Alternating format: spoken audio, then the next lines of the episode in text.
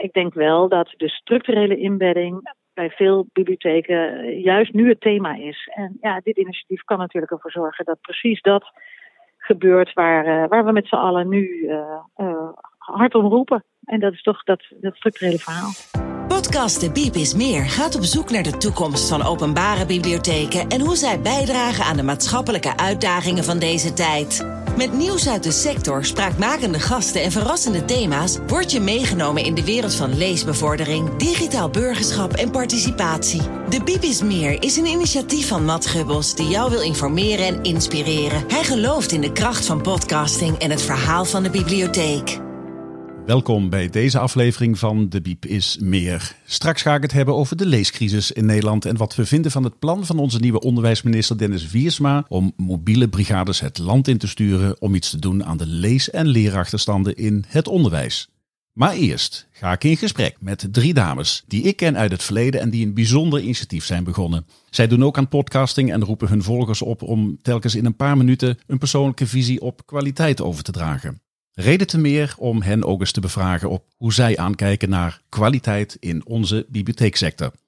Bernadette, laat ik eens met jou beginnen. Want jij bent één van de drie. En de mensen die heel goed weten wie auditor is in uh, Bibliotheekland, die zouden jou moeten kunnen kennen, toch? In wezen misschien wel. Dat doe ik al sinds 2006. Dus dat is al een hele lange periode. Ja, Bernadette van Pampus, auditor bij CBCT. Wie heb je meegenomen, Bernadette? Uh, Maud Notte en Marjan Hogendijk. Marjan, hoe, hoe kennen wij elkaar? Wij kennen elkaar uit de redactie van Sigma. En Sigma is een tijdschrift, een vakblad voor uh, kwaliteitsprofessionals. Een blad wat echt, uh, nou, volgens mij 60 jaar bestaan heeft. Heel erg lang in ieder Heel geval. Heel erg lang. Ja. En waar wij helemaal een stukje elkaar hebben ontmoet, overlappend in de redactie. En, en Mout, jij was een van de redacteuren van het tijdschrift. Ik ben begonnen als eindredacteur van Sigma en daarna als hoofdredacteur. En uh, in die redactie zat jij ook en zat Marjan en zat Bernadette. Dus uh, zo kennen we elkaar. En, en we gaan het hebben over kwaliteit, hè, want kwaliteit is een heel breed begrip. Heel ja, leuk begrip om het over te hebben. Maar dat tijdschrift Sigma, dat is op een gegeven moment verdwenen. Weg van de markt, zoals dat wel eens gaat met tijdschriften. En toen kwamen jullie. Ja, nou het tijdschrift is opgeheven door de toenmalige uitgever.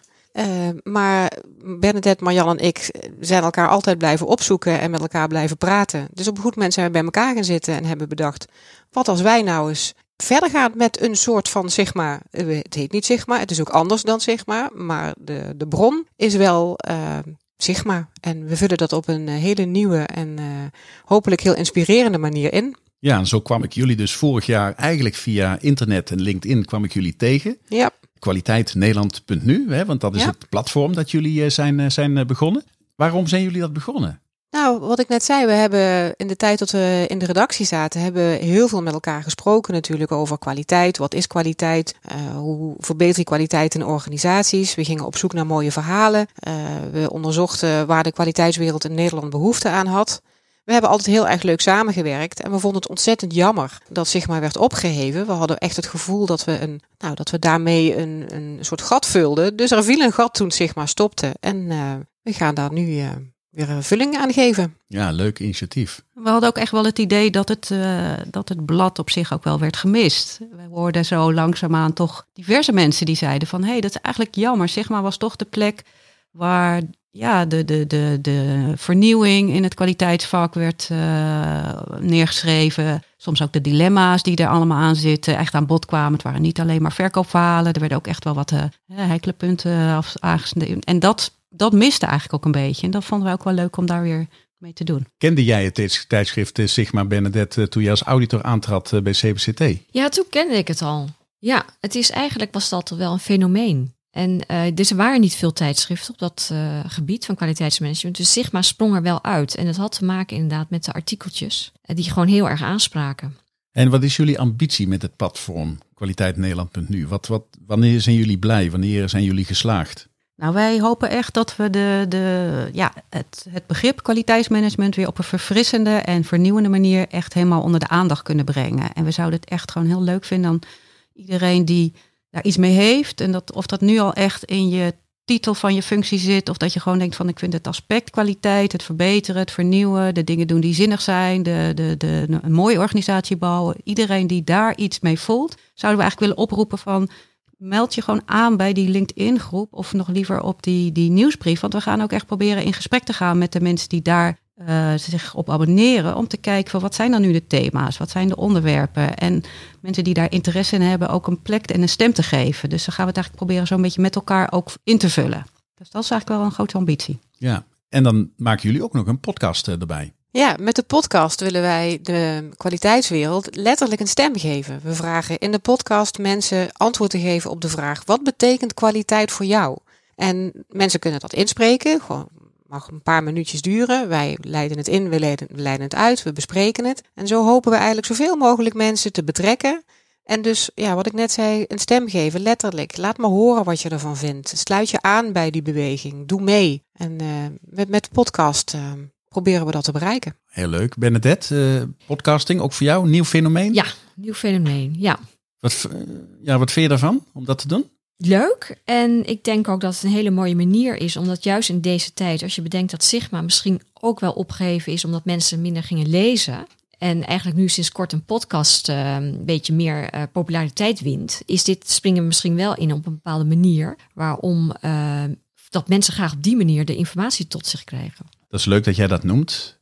mensen zijn minder gaan lezen, een heel belangrijk thema binnen de bibliotheekwereld. Wat voor verhalen pikken jullie op in die podcast? Kun je daar iets over vertellen? Um, nou, we hebben nu uh, veel mensen uit het, het vakgebied uh, mee laten doen. En wat we allemaal, het leuke daarin is dat iedereen het echt vanuit zijn eigen perspectief benadert. En dan zie je dus wel dat kwaliteitsmanagement eigenlijk heel divers is. Dus aan de ene kant benadert iedereen het vanuit zijn eigen perspectief. Terwijl aan de andere kant komen steeds allemaal op hetzelfde uit. En dat is wel heel erg leuk om op te merken. En is eigenlijk een enorm berg aan ervaring. Hoeveel mensen hebben niet een leuk verhaal? En dat is juist om voor de beweging, om juist die verhalen over te geven naar een volgende generatie. Ja, dat is geweldig. En zeker om het woord kwaliteit ja, levend te houden. Want ik vraag me soms wel eens af, ik weet niet hoe jullie daar naar kijken. Ik denk soms wel eens dat het woord kwaliteit gewoon weg is. Ja, dat wordt heel veel gezegd. Mensen die uh, zeg maar vakmatig met uh, kwaliteit bezighouden, die gaat ermee in gesprek. Is dit een van de meest uh, misschien wel rondzingende gedachten? En, en tegelijkertijd is dat ook hetgeen waar ik echt het allerliefst van af zou willen. Dus ook kwaliteit Nederland.nu zou ik eigenlijk die discussie gewoon nooit meer willen voeren. Want als je met wie dan ook in gesprek gaat en je begint, daarom is die vraag die, die bewijst dat al. Wat betekent kwaliteit voor jou? Heeft iedereen daar een verhaal bij? En als je vervolgens doorvraagt van is dat dan belangrijk voor je om daarmee bezig te zijn, is dat eigenlijk ook voor iedereen zo. Dus ik heb nog nooit iemand in een bedrijf meegemaakt in een organisatie die als je doorvraagt over wat kwaliteit voor hem of haar betekent, dat je de dingen goed wil doen, dat je de goede dingen doet, dat je zinvol werk wil doen, dat je het gezellig wil hebben. Als je dat allemaal onder kwaliteit verstaat, vindt iedereen dat belangrijk. En dan gaan we, is de kunst om daar naar op zoek te gaan. Hoe doe je dat dan? En hoe krijg je dat in een organisatie voor elkaar? Dus natuurlijk is dat belangrijk. Het woord daarentegen, doet soms een beetje sleets aan en wordt geassocieerd met totaal de verkeerde dingen. Maar ja, aan ons de taak, denk ik, om gewoon opnieuw te starten en het woord weer fris en nieuw in te vullen. Op een manier waarvan we denken, oh, we zijn weer, we zijn weer met de goede dingen bezig. Ja. Wout, waar kom jij kwaliteit tegenwoordig nog tegen? Nou, ik, waar ik op aanhaak is wat Marjan zegt, is dat uh, de associatie met de kwaliteitsmanager is toch vaak van de, de handboeken die in de la uh, verdwijnen. En de podcast horen we ook dat iedereen een andere invulling geeft aan kwaliteit. Dus nou, dat is eigenlijk juist wat wij willen beogen met ons platform. Uh, om dat gesprek aan te gaan. Om ook om boven water te halen van wat is nou kwaliteit? Wanneer heb je het over kwaliteit? Wanneer ja, ervaar je kwaliteit? En in de auto hier naartoe um, zag ik zo'n busje voorbij rijden. En toen viel me weer op, er zijn heel veel van die nou ja, dat, kunnen bouwvakkersbusjes zijn of bedrijfsbusjes, maakt even niet uit. Maar heel vaak staat er een woord met kwaliteit. Quality for life of uh, als je echte kwaliteit wil. En toen dacht ik, het zou eigenlijk wel heel grappig zijn om, om daar ook een fotoreportage van te maken. Of om die mensen nou eens te, te bevragen. Waarom schrijf je dat op je bus? En wat wil je daarmee zeggen? Blijkbaar is het toch iets waar, waar die mensen mee hopen aan te spreken. Van nou, als ik nou bij die persoon ben, dan krijg je kwaliteit. Maar hoezo? Dat is alleen maar een woord. Nou, dat vind ik wel een fascinerend fenomeen. En tegelijkertijd zou je kunnen zeggen van ja, het woord kwaliteit. En om daar beroepsmatig mee bezig te zijn, daar hoef je geen kwaliteitsmanager, kwaliteitsadviseur voor te zijn, Bernadette. Ja en nee. Ehm, ik denk dat je bedoelt van het, zit in iedereen en iedereen heeft zijn bijdrage. Ja, op die manier gezien hoef je daar geen kwaliteitsmanager voor te hebben. Dat zou het ultieme plaatje zijn. We hebben geen kwaliteitsmanager meer, want het zit zo in degene van iedere medewerker en die snapt wat, wat zijn bijdrage is. Maar zo, zo ver zijn we nog niet. Heb jij nog een beeld van waar de kwaliteitsmensen in bibliotheekland uh, zitten? Um, het grappige is, ik doe natuurlijk heel veel audits al heel lang. En ik kom nooit een kwaliteitsmanager tegen in een bibliotheek. Helemaal nooit. En zij werken uh, aan een certificering. En dan praten we ook met echt alle, uh, alle geledingen, zou ik zeggen. En de kwaliteitsmanager die bestaat niet in de bibliotheekwereld. Maar ze hebben wel een certificering. Ze hebben wel een norm waaraan ze voldoen en waar ze het certificaat mee behalen. Dus je zou kunnen zeggen dat dat misschien wel het ultieme plaatje is. Ze hebben geen kwaliteitsmanager misschien nodig. Ja, dat zou een hele mooie gedachte zijn. Maar goed, we weten ook dat er nog heel wat te verbeteren valt aan de kwaliteit van de organisatie. Ja, klopt. En altijd één bepaald aspect, vind ik. en dat Um, is? Dat is dat een bibliotheek um, voldoet aan heel veel aspecten altijd uit die norm. En e- een van de aspecten natuurlijk van een norm is dat je de PDCA-cirkel, of je hebt, het, ja, je hebt het voor elkaar, je evalueert en je stuurt bij. En dat laatste, dat ontbreekt nog wel eens. En bibliotheken hebben de neiging om heel veel informatie te verzamelen en te evalueren, om te verantwoorden richting de subsidiegever. En dat is verantwoording. Maar minder om bij te sturen in hun eigen interne organisatie. En dat kan nog wel een standje meer. Dat zou jou niet onbekend voorkomen. Nee, dat, uh, dat is heel herkenbaar inderdaad. Dat er heel veel nadruk, zeker als certificeren verplicht is, dat er dan automatisch toch een beetje insluipt van ja, inderdaad het verantwoordingsaspect en minder het echt het, het nadenken over wat betekent het precies voor ons, wat, waar willen we aan werken. Ook om de angst om ja, dan ga je een beetje het onbekende tegemoet. Dan kan je het jaar erop dat dan nog wel verantwoorden. Dat je je hebt gehouden aan je eigen afspraken. En dat, dat, dat is ook echt een aspect in de, wat er ingekomen, ingesleten is in de kwaliteitswereld. Wat ook wel een beetje belemmerend werkt. Dus dat je kan verantwoorden is natuurlijk super belangrijk. Maar dat dat belemmerend werkt ten opzichte van innovatie, verbetering, is echt wat we niet willen.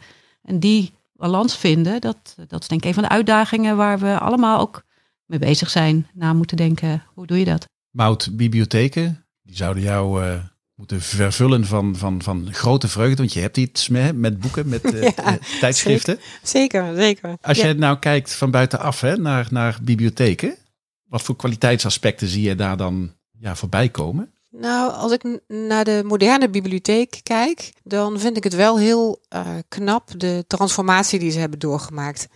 Um, ik, weet, ik weet niet precies het jaartal, maar zeg maar vroeger. Ik weet niet precies waar vroeger ophoudt. Maar uh, laat ik zeggen, als kind ging ik elke week naar de biep en haalde ik een paar boeken. Uh, maar dat was best wel een klein, stoffig bibliotheekje. Een beetje zo het imago wat het soms kan hebben. En eigenlijk als ik nu naar de bibliotheek ga, dan, dan is het zo divers. Dan is daar zoveel te doen. Dan kun je er ook koffie drinken zelfs. Maar je kan er uiteraard ook boeken uh, lenen. Er staan computers. Er worden veel uh, lessen gegeven of cursussen en lezingen. En nou is het, uh, de, de, gebouwen zijn ook vaak mooier geworden. En prettig en fijn om naartoe te gaan. Dus nou, het is niks vergeleken met vroeger. en dat vind ik wel heel... nou, hoe je jezelf op die manier kan heruitvinden en die nieuwe maatschappelijke functie invult, vind ik knap. Ja, dat is, vind ik op dit moment het belangrijkste kwaliteitsaspect van de bibliotheek. Het feit dat je ja, eigenlijk ja, iets wil doen aan de vraagstukken die in de samenleving spelen. Ja, He, zoals, precies. het, uh, ja, zoals eigenlijk de leesachterstanden, de leescrisis, ja. zoals dat nu uh, genoemd wordt. De verhalen hè, die jullie verzamelen hè, in jullie uh, podcast. Welk verhaal schuurt dan het dichtst tegen ja, de bibliotheekwereld aan? Ja, je, ik heb eigenlijk sterk de neiging om te denken dat bijna elk verhaal wel iets een link te leggen is met wat een bibliotheekwereld ook uh, mee te maken heeft. Of je het nou hebt over de gevoelswaarde van kwaliteit, of de interne processen, of de maatschappelijke opdracht. Eigenlijk al die aspecten worden in al die bijdragen die we nu aan het verzamelen zijn wel genoemd. Dus misschien is uh, een fragment wat nu, waar we nu onlangs mee aan de slag zijn geweest van uh, Teun Jono, die ons, ons hè, dit zeg ik even met aanhalingstekens, uh, kwaliteitsaanjagers of kwaliteitsmensen. Uh, hij wijst ons er eigenlijk op van we moeten eigenlijk weer aan de slag met onze maatschappelijke vraagstukken.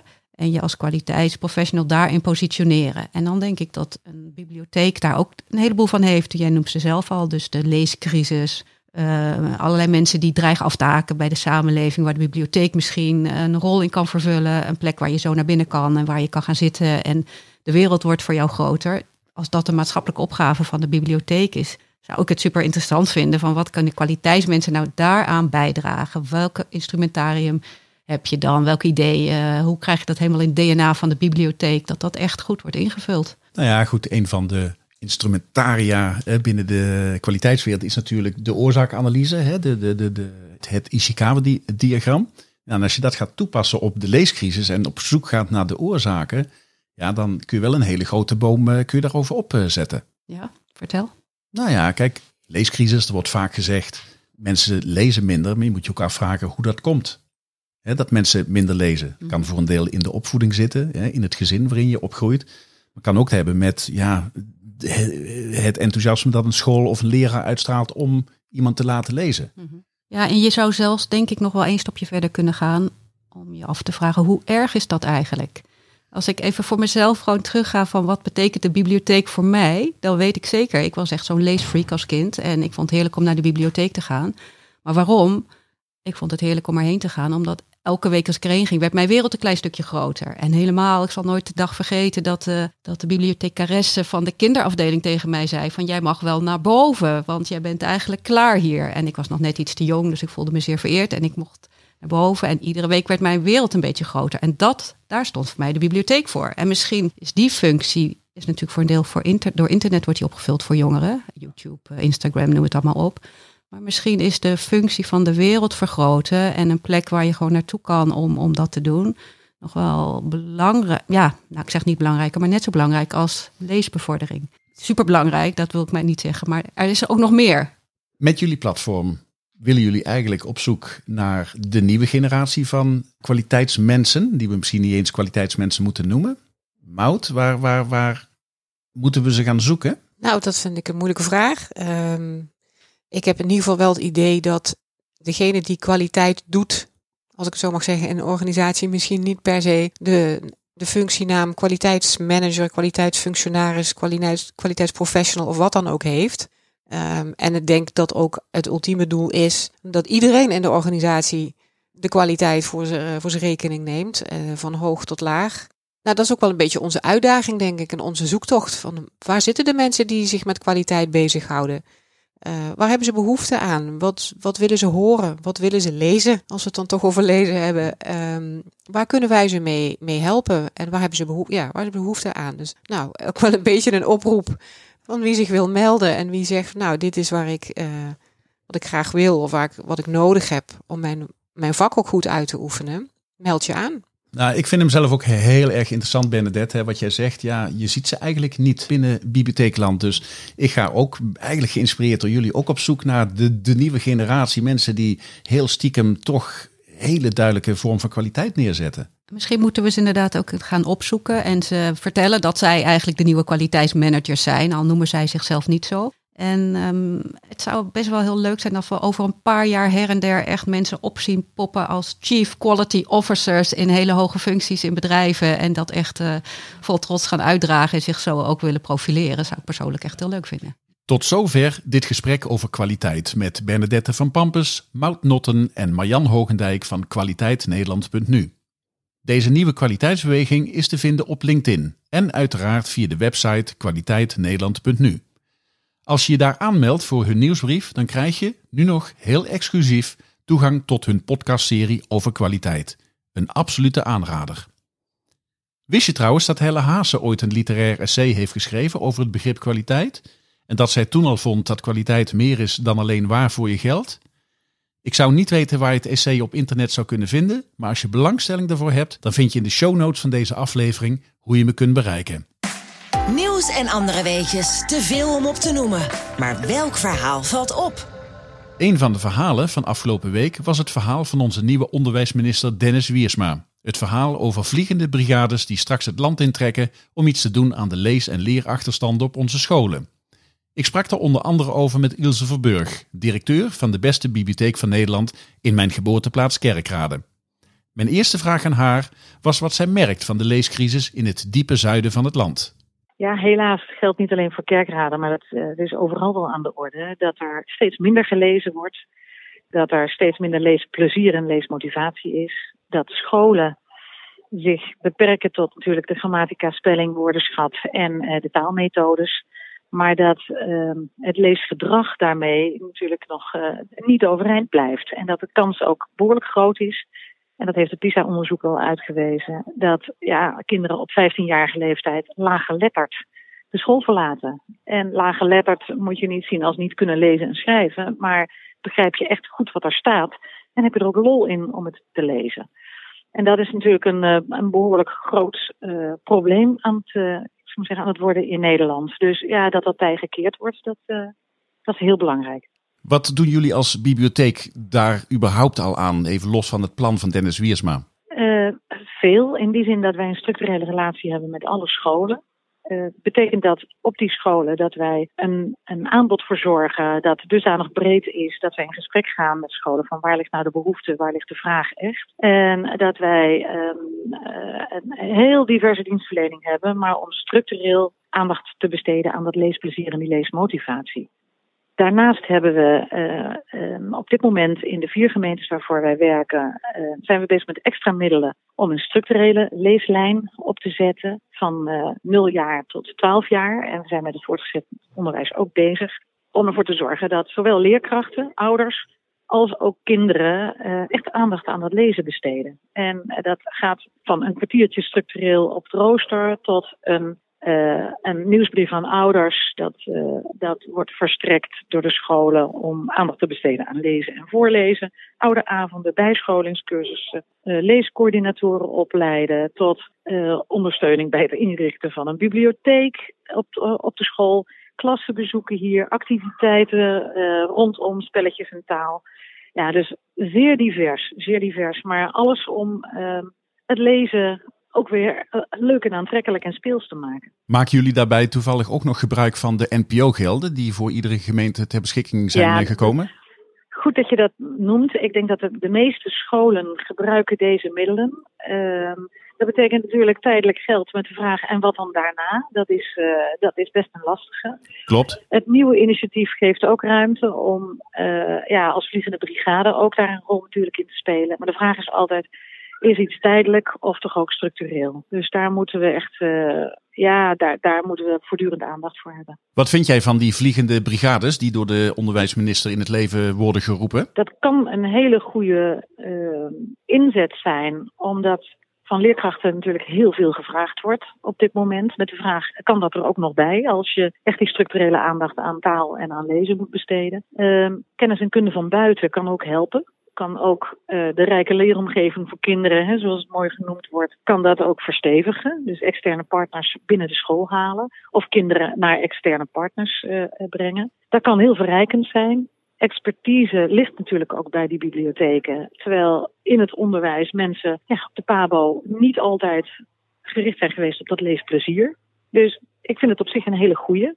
Eh, de discussie gaat natuurlijk ook over het feit dat leerkrachten niet weggetrokken moeten worden omdat deze banen wellicht interessanter zijn dan de banen in het onderwijs zelf. om ambulant te zijn en op verschillende scholen hier aandacht aan te besteden. Dus ja, waarom dan niet inderdaad op andere plekken mensen met expertise zoeken die de scholen bezoeken?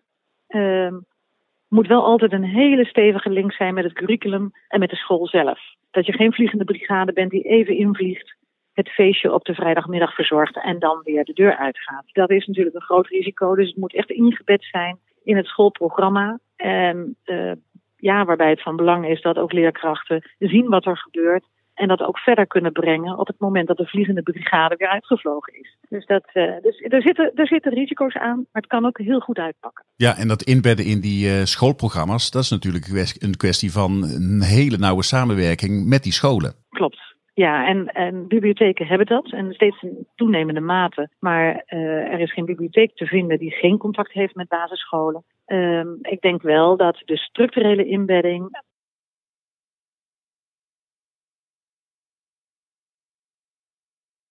gebeurt waar, uh, waar we met z'n allen nu uh, hard om roepen. En dat is toch dat, dat structurele verhaal. Wat ik heel veel hoor hè, bij scholen, is dat ze vooral behoefte hebben aan handjes. Is het risico van dit plan van Dennis Wiersma niet dat er heel veel handjes naar scholen komen en dat we na een jaar of twee, drie eigenlijk van de koude kermis thuiskomen? Dat zou kunnen. Um, het, natuurlijk zijn scholen en schoolbesturen wel altijd vrij om een personeelsformatie uh, zelf te besteden. Dus je kunt ook, als het waarde heeft, of het nou een, een muziekdocent is of het is een leesconsulent, uh, kun je opnemen in je structurele formatie. En op basis daarvan zeggen van oké, zo bedden we het in in het curriculum.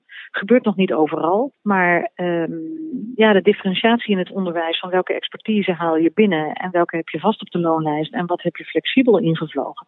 Nou, die mogelijkheid is er. Dus dat betekent dat je op je HR-beleid en je, en je begroting uh, kunt gaan sturen als school, scholenstichting. En dat is wel een vervolgstap, want anders heb je inderdaad een tijdelijke oplossing uh, en geen structurele handjes. Heb je al een beeld van of uh, de vliegende brigades ook in uh, kerkraden terecht gaan komen? Want ik heb begrepen dat niet iedere school voorlopig daar recht op heeft. Nee, ik denk dat juist in deze regio, in Zuidoost-Limburg, heb je natuurlijk veel scholen die met achterstandssituaties te maken hebben vanuit het mijnverleden.